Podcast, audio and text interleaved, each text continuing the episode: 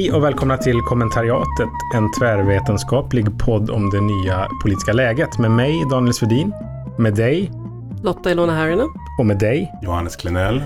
Härligt. Jag har varit föräldraledig ganska länge, inte jättelänge, men ändå ett tag. Och nu är jag tillbaka och får programleda idag på något sätt. Men det jag tror att de flesta vill veta är ju ändå vad ni har gjort sen ni bandade sist. Lotta? Alltså jag har ju vickat för dig va? Mm. Eh, och nu har jag slutat med det men är fortfarande kvar här. Det har varit sommar, Almedalen, semester, Linda Skugge skaffat Onlyfans. Det är väl ungefär Det var du har de tre sakerna jag har haft koll på. Intressant. Och jag har hört att du, Johannes, har bytt kalsonger. Ja, det stämmer. Om jag ska vara helt ärlig så kände jag bara att alla kallingar på marknaden var skit. Jag blev ju hooked av en Facebook-annons. Det var fantastiskt faktiskt. Här, Jag har ju visat den här för dig Daniel. Ja. Det är alltså en, en, en, en någon sorts västkustshipster. Med, med lite tjackiga drag, får man väl säga. Så. Ja. Det, det, det snyts en del i näsan medan han pratar. Som sitter med någon man som ser ut, ja men han har det här Johan Wirfeldtska dragen. Också en Det, det, västkustprofil. ja, det är en västkustlook. Kan man väl säga. Mm. Som intervjuar honom om Sveriges skönaste kalling. Så många gånger man har stått med handen ner i byxorna och försöker dra Ja. ner liksom sina kalsonger. Eller hur? Mm. Och, och bara det här liksom att det liksom är att se en man som ser ut som att han egentligen brygger sin egen öl. Prata om kalsonger på det viset. Alltså att, ni vet, när en kille får göra underkläder till en materialsport. Mm. Den känslan är det.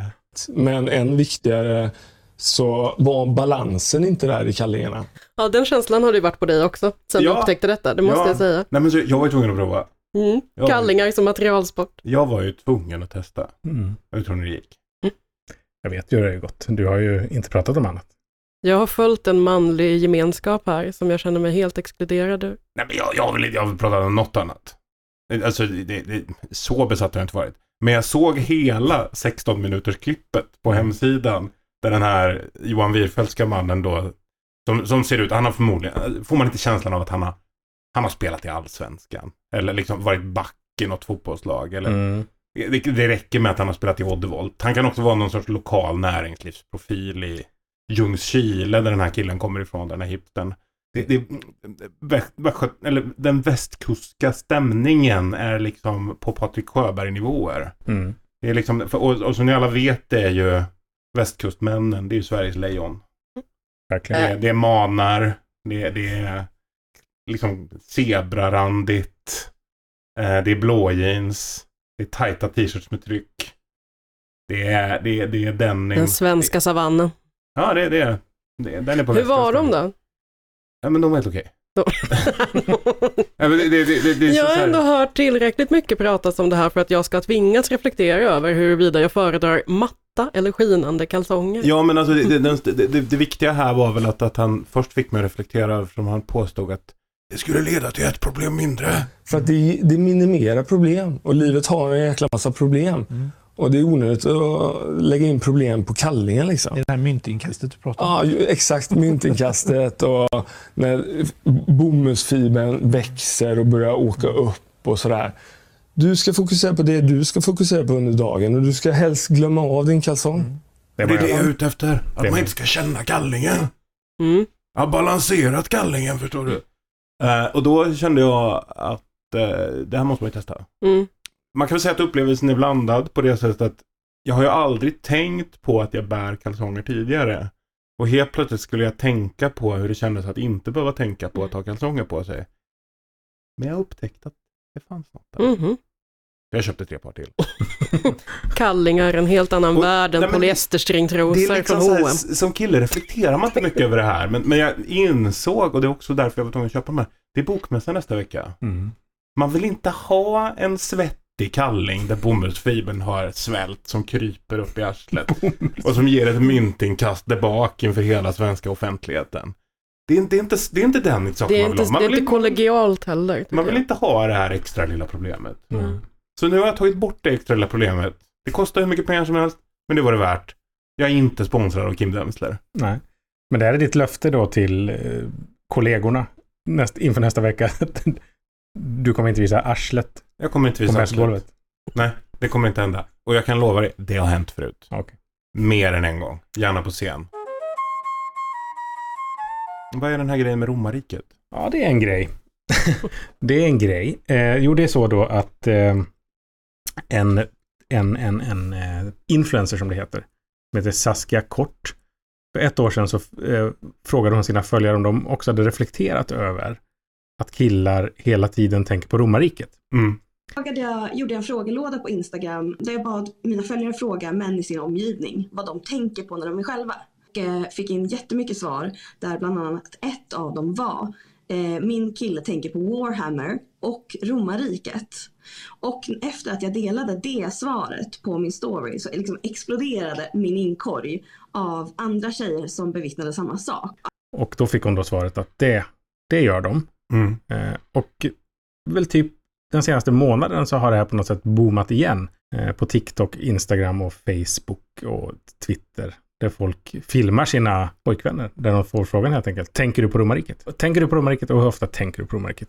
Och alla killar tänker på romarriket hela tiden. Och det, det är väl den här liksom gemensamma feminina insikten att man är tillsammans med en kille som tänker på romarriket. Som är Som, från för, Mars. Precis. Ja, men ni kvinnor är Ja. plötsligt enade i en gemensam erfarenhet som ni inte visste att ni hade.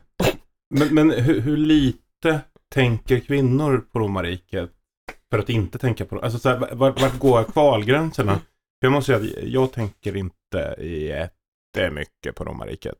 Som kvinna kan jag ju, får jag ju medge att jag kan mer om romarriket än om influensen Saskia Kort, men vad jag har förstått det som så påstår hon i alla fall att det är hon som har startat den här trenden. Vi, jag, jag vet inte om det faktiskt går att belägga. Jag noterade ju då, jag, jag har ju bara följt det här på distans, men när ni visade upp lite olika saker som hon hade påstått, så verkar hon ju också vara en person som påstår att folk stannar henne och ler och känner igen henne på gatan. eh, så jag kort har, vad hade hon? 20 000 följare? Jag kan ett TikTok-ord för det här. Delulu. Delulu. Daniel Sedin, du har ungefär 38 000 följare på Twitter. Ja. Stannar folk ofta dig på gatan? Tittar folk ofta på dig och ler som att de känner igen dig? Jag har, det är möjligt att folk känner igen mig. Eh, men jag har aldrig Vänder bort blicken. jag har aldrig uppfattat att någon blir på gott humör av den liksom, insikten. Eh, däremot har jag varit på krogen en gång och då var det en som verkligen ville komma fram och skaka min hand och och så här, det är så kul att du och Hanif Bal- Bali håller på. Och liksom, det, det piggar upp mitt liv. Att ni bråkar. Och jag, jag pratar ju sällan med honom. Men han verkar ändå tycka att jag och eh, Hanif bidrog med något storartat i hans liv. Så det, Mm. det är väl det liksom enda. Man måste ju ställa er frågan då, hur ofta tänker ni på romarriket? Jag började fundera över liksom rent så här, vad betyder tänka på? Jag, för jag tror inte jag tänker på någonting. du i en existentiell kris? Ja, Är du en sån här som inte har en röst i huvudet? För det har jag hört att så här 20% Ja, du- av befolkningen inte har en inre monolog. Det här är spännande. Det här vill jag veta mer om. Mm, Jag vet inte om jag har en monolog, men jag har liksom en fantasi som pågår hela tiden. Det jag liksom är... Vart är du En då? våldsfantasi. Precis. att, att det jag egentligen gör är att slå folk. Nej, Ett men ständigt att, pågående slagfält i skallen. Men precis, är det i Rom eller Sparta? Du och Hanif. en envig. Nej, men eh, jag vet inte om jag har en röst heller. Jag vet faktiskt inte riktigt om... Men jag, det är väl klart så här, om jag ser en, om jag ser en akvedukt. Vilket inte. man ofta gör i Sverige. Det är en vattenrutschkana.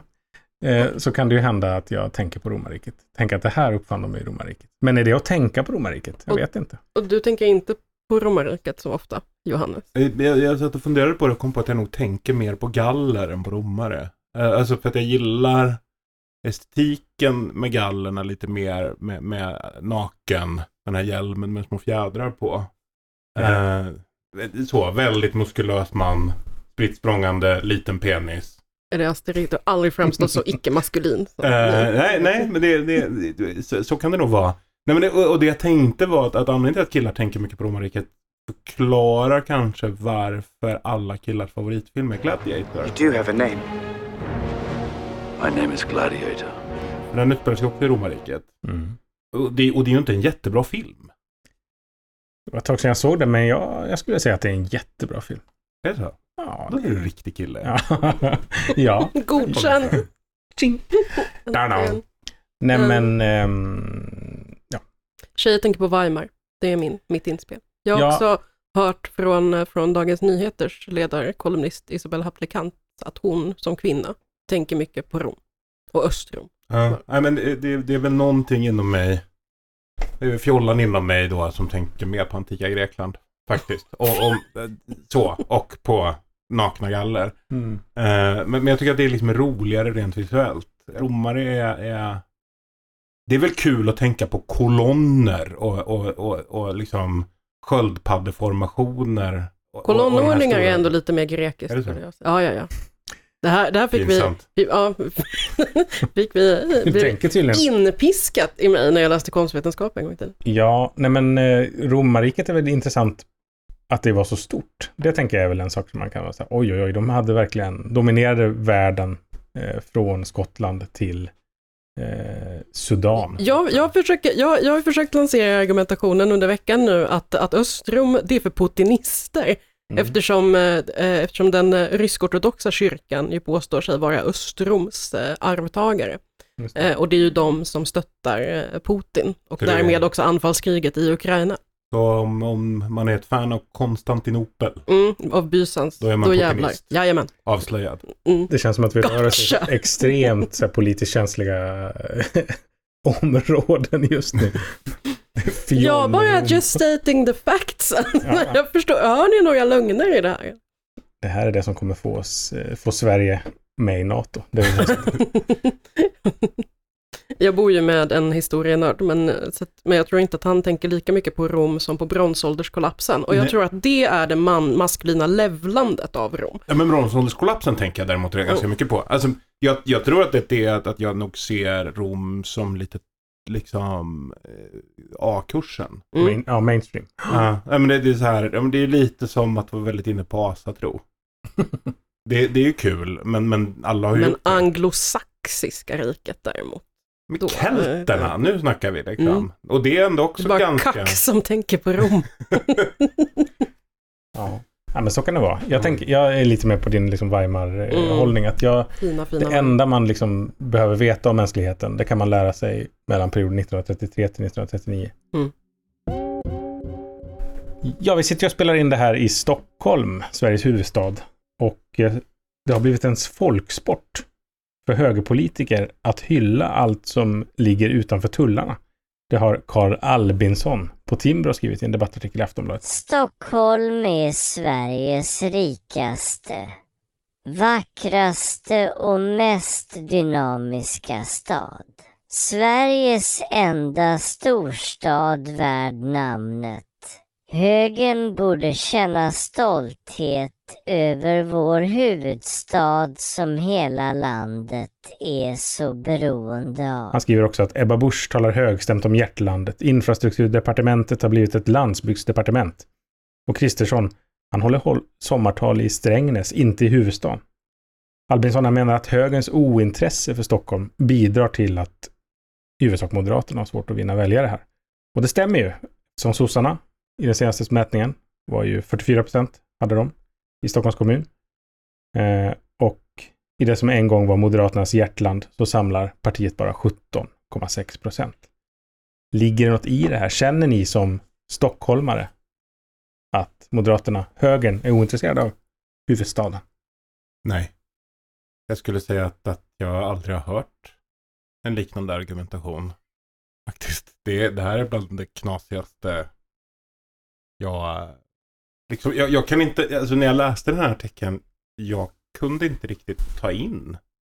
Alltså så här, jag, jag trodde inte det fanns jag trodde inte, trodde inte det fanns på kartan. Det är lite intressant för att det, det, jag läser den här boken av Lisa Broström om, om medelklassen. Och då pratar hon ju om, om hur Moderaterna inriktar sig på vad de kallar, och Liberalerna framförallt, på den hårt arbetande medelklassen. Mm. Det är ju deras målgrupp på något sätt. Visst. Eh, och, och, och den är ju väldigt urban i, i, i deras bild då liksom. Och, och han har ju någon sorts, sorts appellering i den riktningen här när när han börjar prata om eh, vägtullar i Stockholm som inte leder till någonting. Utan istället leder till järnvägssatsningar i Norrland. Vem jag- behöver det? Nej men och, samtidigt så här, har han kört bil i Stockholm tid- gång? Det byggs ju för fan hela tiden här. Det, är liksom, det, det har ju inte slutat byggas sen Dennispaketet slog in liksom.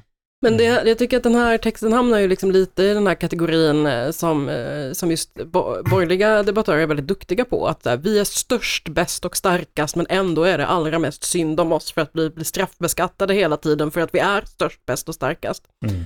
Eh, men någonting ligger det ju i det, men det stämmer väl för nästan alla svenska partier att det liksom blev en, eh, en bruksort och glesbygds eh, besatthet under förra valrörelsen. Men det var ju Att när alla vill- ville ha SD-väljarna. Ja, alla ville ha SD-väljarna och alla ville stå i en IF Metall-hatt.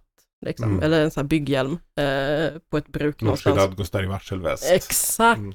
Absolut. Nej, men och det, det är väl liksom en, någon typ av eh, en, en eh, kontra, eller liksom en, en mot det som hände under valen 2010 och 2014 som var väldigt mycket liksom den, de mera liksom urbana valen, särskilt 10 kanske. Men Mm. och läser man Moderaternas valanalys efter det här valet så Mm. lägger de ju ut texten rejält över hur himla lyckliga de är över sina stora valframgångar i Älvsbyn utanför Mm. Piteå. Och där måste ju liksom antalet moderatväljare ha varit så låga att de kan absolut få upp en liksom 250-procentig ökning bara genom en handfull personer. Mm. Så någonstans verkar det vara viktigt för dem. Eh, en Stockholm mindre, men den här eh, Timbro, eh, Timbro-killen är ju hysteriskt rolig i sin syn men- på allting utanför Stockholm. Utan Stockholm skulle Sverige vara ett tråkigare och fattigare land. Det- Det är också lite roligt att gnälla över att statsministern håller sitt sommartal i Strängnäs. Och när Ulf Kristersson håller sommartal sker det i Strängnäs. Inte i huvudstaden. Med tanke på att statsministern inte bara är från Strängnäs, utan Strängnäs fyllde också 500 år i år. Så det kanske inte är så konstigt. Och som nationen. Precis. Uff. Men han skriver Gustav Vasa är därifrån och anlade Strängnäs. Eller ingen, hur fan det nu var. Nu Har är jag vi- rätt? nu Har är jag vi- fel? nu är vi inne på de här historiskt känsliga grejerna igen. det, det, det, är historikerna som kommer få den här podden cancellad. Det är, är det din, din? Jag tror att det är... Men alltså, De har inte det inflytandet. De har inte det. De kan aldrig få bort oss. Men jag, eh, jag har inga problem med att odla mitt eget Stockholms, eh, Stockholmsförakt på basis av liksom, att jag gillar allting som finns norr om Gävle. Eh, och om Jämtland någonsin kommer att bryta sig ur nationen så kommer jag att stötta det helhjärtat. Men alltså på grund av sådana här killar som, som säger ingen annan stad eller region i Sverige kan nämligen mäta sig med Stockholm. Huvudstadsregionen står för nästan en tredjedel av Sveriges BNP. Ja, men alltså elen och järnmalmen som kanske behöver fraktas på de där järnvägarna uppe i Norrland eh, är ju alltså basindustrin. Vi behöver prata om basindustrin och den finns fan inte i Stockholm. Nej, de är möjligtvis att de har huvudkontor i Stockholm. Absolut. Men de, men de, och det är, väl det, det är väl det man Men det är räknar på. fusk. De skattar i Stockholm. Ja, men det är fusk. Det är fusk, ja. Det är fusk. De bidrar inte med För någonting, resurserna finns i gruvor verkligen. Men, men, och i varför, forsar Och i skog. och Men- men- under fjäll. men varför gör han så här då? Varför, varför håller han på på det här sättet? Vad vill han? Alltså, det- vi pratar ju det är ändå en representant för Timbro. På Absolut. något Ja. plan så vill han ju opinionsbilda för någonting. Vill han liksom Nej, men egentligen, så, opinionsbilda för huvudstaden? egentligen är det väl det. För det är ju en, det är ju en liten gullig appell för att så här, här bor det jättemycket människor som tjänar mycket i lön och därmed också skattar väldigt mycket. Det borde vi sluta med. Så det är ju egentligen liksom sk- skattesänkarpropagandan håller på med. Men det är väl klart att man från Timbros sida tycker väl att det är lite plågsamt trots allt med en borgerlighet som samarbetar med Sverigedemokraterna, som är ett parti som inte, som i väldigt stor utsträckning eh, är liksom anti-Stockholm och allt som är liksom, det, ja, men om man tänker sig att Stockholm är också något progressivt och framåtskridande som vänstermannen Anders Lindberg skriver. Han har ju haft en, ett liksom, litet svar på den här i, i Aftonbladet. Och då skriver han ju så här. Storstaden är en plats där olikheter möts. En mångfald av människor, språk och religioner, av pridetåg och nya impulser. Kultur, frihet och förändring i en ständigt berusande malström av intryck. Och det, Men så där kan du säga om Flen också om du vill. ja, nej, men liksom den mest berusande... Malströmmen av intryck i Flen. Det är liksom, den, de berusande, den berusande malströmmen och intryck i Stockholm är ju mest att man står och väntar på tunnelbanan och den aldrig kommer. Eller så väntar man på ett pendeltåg som aldrig kommer. Eller så sitter man på en buss som inte kan reglera värmen. Det är liksom... Det är ju för att du bor ju typ på Men det här är ju en av de sämsta förorterna. Ja, ex- Exakt, men det är den berusande malströmmen och intryck. Det finns liksom, är det, är det intryck och impulser det? Nej. Fy fan, säger jag. Är det Stockholmshatet i det som kommer fram nu?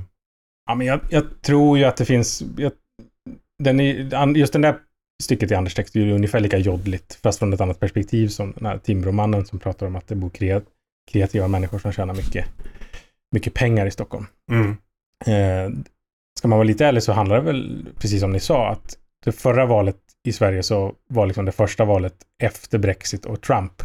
Och då hade svenska partier förstått att oj då, det finns en eventuell väljarkoalition där ute som kan vinna val som vi fram tills nu har beskrivit som förlorare i ganska Mm. stor utsträckning. Det måste vi hantera på något sätt. Och sen gör ju de samma misstag. Att de säger, man har sagt till dem så här, ni ute på landet är pack. Mm. De sa samma sak egentligen nu. Ni ute på landet är pack. Och det gillar vi. Det var liksom ingen liksom. Så här. Vad är det nya storstadspartiet egentligen?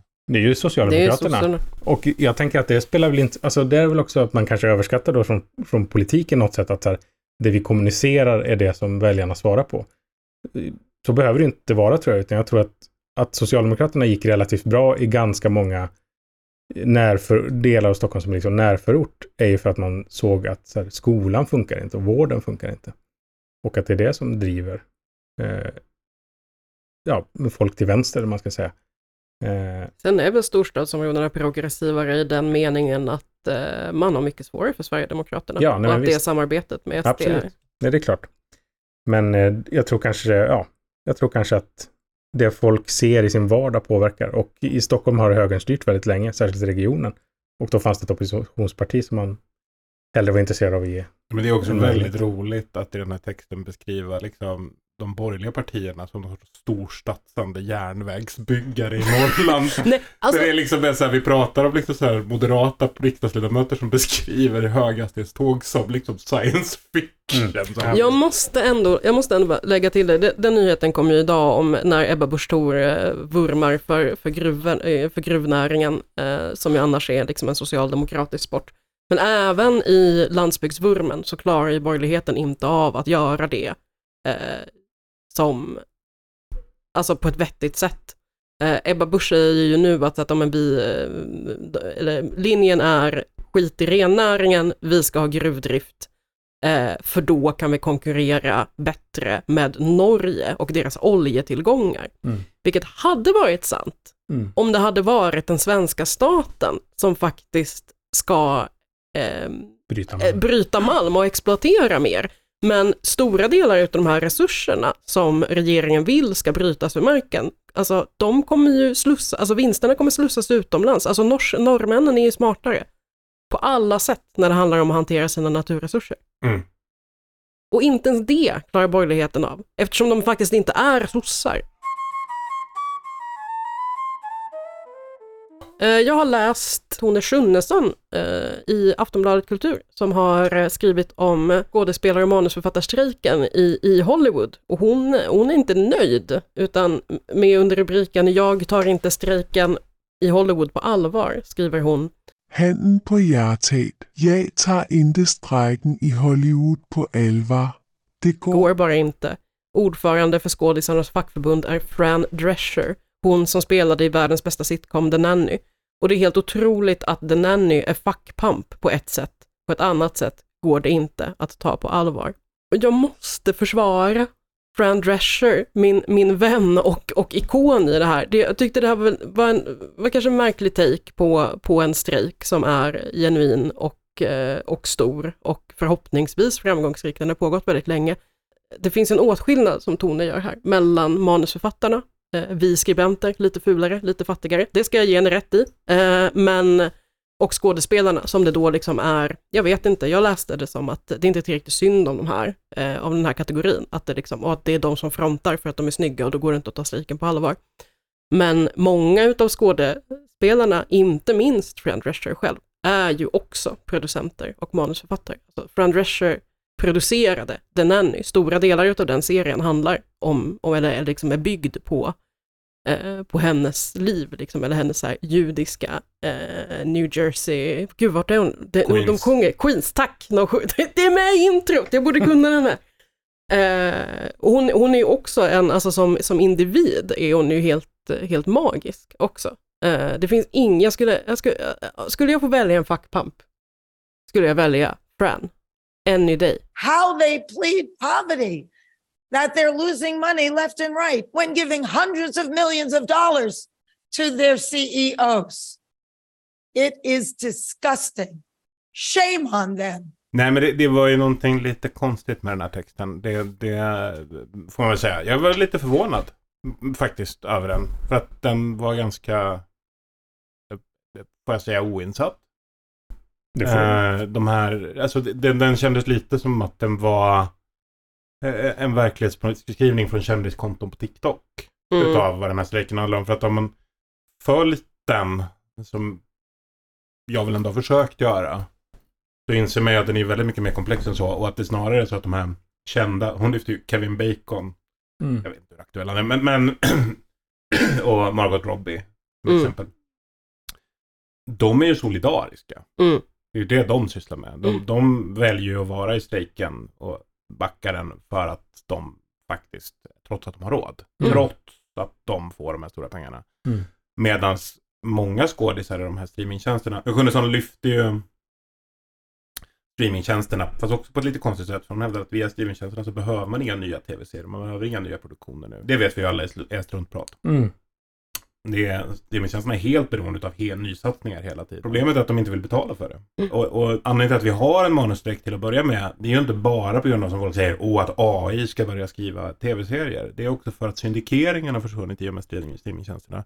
Tidigare har manusförfattarna tjänat pengar på royalties de har fått ut när man säljer tv-serier för syndikering till andra tv-kanaler. Mm. Och det har gjort att du kunnat överleva mellan olika manusprocesser. Mm.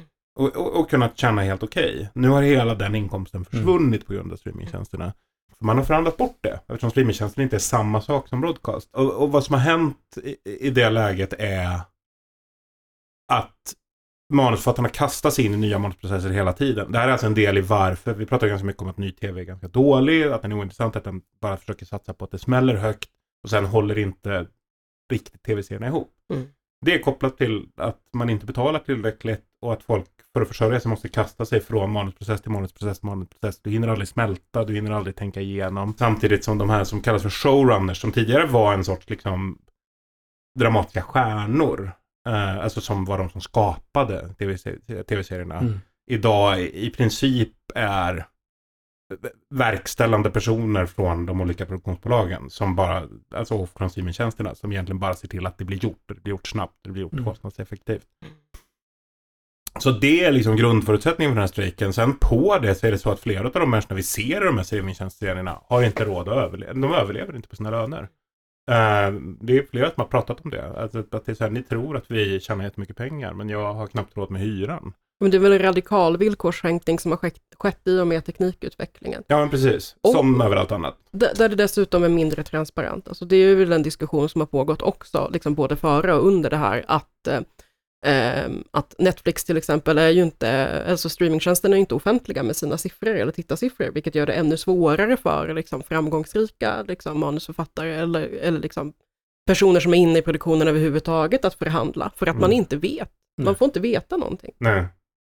Nej, men det, så att det blir lite konstigt att komma här och prata om att det liksom på något sätt är en löjlig strejk. För att den här strejken betyder nog ganska mycket i en amerikansk politisk kontext nu. Mm. För det första är den synlig. Mm. Eh, Det kan vara så att de faktiskt vinner i slutändan. Det är, inte alls omöjligt. För att det, det, till slut måste de här streamingtjänsterna, de är så beroende av att vara störst.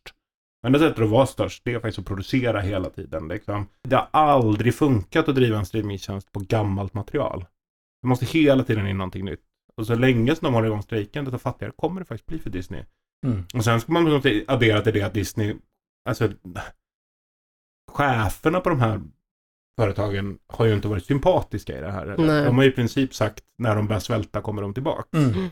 Så att, att, att säga att man inte kan ta det här på allvar, alltså, det, är- det är lite, det, det är ett väldigt konstigt resonemang.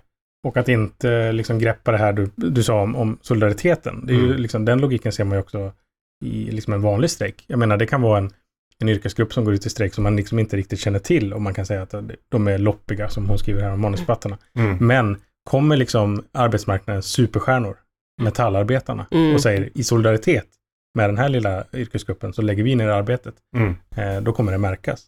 Mm. Och det, är ju, det brukar vi tycka är en fin grej. Ja. Eh, Jag tycker det är till också att just att det symboliska värdet, om man ska tänka på det liksom ur ett fackförbunds liksom, organiseringsperspektiv överhuvudtaget, särskilt just i USA, om hur otroligt viktigt det blir att visa att så här, ja men, äh, lite, lite platt kanske, men Mm. så här, om en coola människor Ja, strejkar precis. och organiserar Barbie sig. är Mm. Barbie facklig. är facklig. Det, det, det, det tar jag, eh, jag tror faktiskt, alltså, det, det, det kan till och med smälla högre än en IF Metallare. Hörrni, eh, vi ska avsluta för idag. En- Jag tänkte bara berätta att vi har fått lite recensioner på vår iTunes-sida. vad kul, Ja. vad säger folk? Eh, första recensionen för ett år sedan är gjord av Tyko3. Den heter Subject inte och recensionen bra. Ja, ja, ja, ja, men det, Eh, Men strax efter har Jorti skrivit med subjektraden mycket och betyget bra.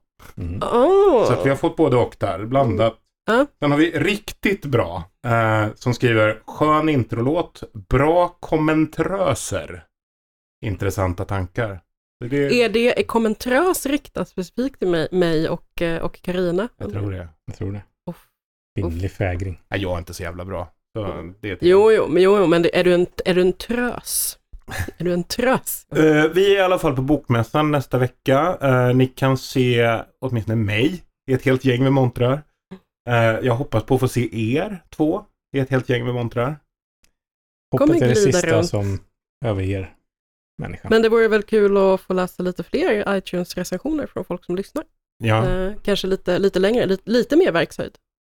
Jag vill ha subjektraden ful och så brödtextet, brödtexten på bokmässan. Eh, kommentariatet är slut för den här gången. Eh, vi hörs igen om två veckor. Då kommer vi berätta allt om vad som hände på Bokmässan. Eh, tills dess så får ni ha det bra. Hej då! Hej då! Ciao!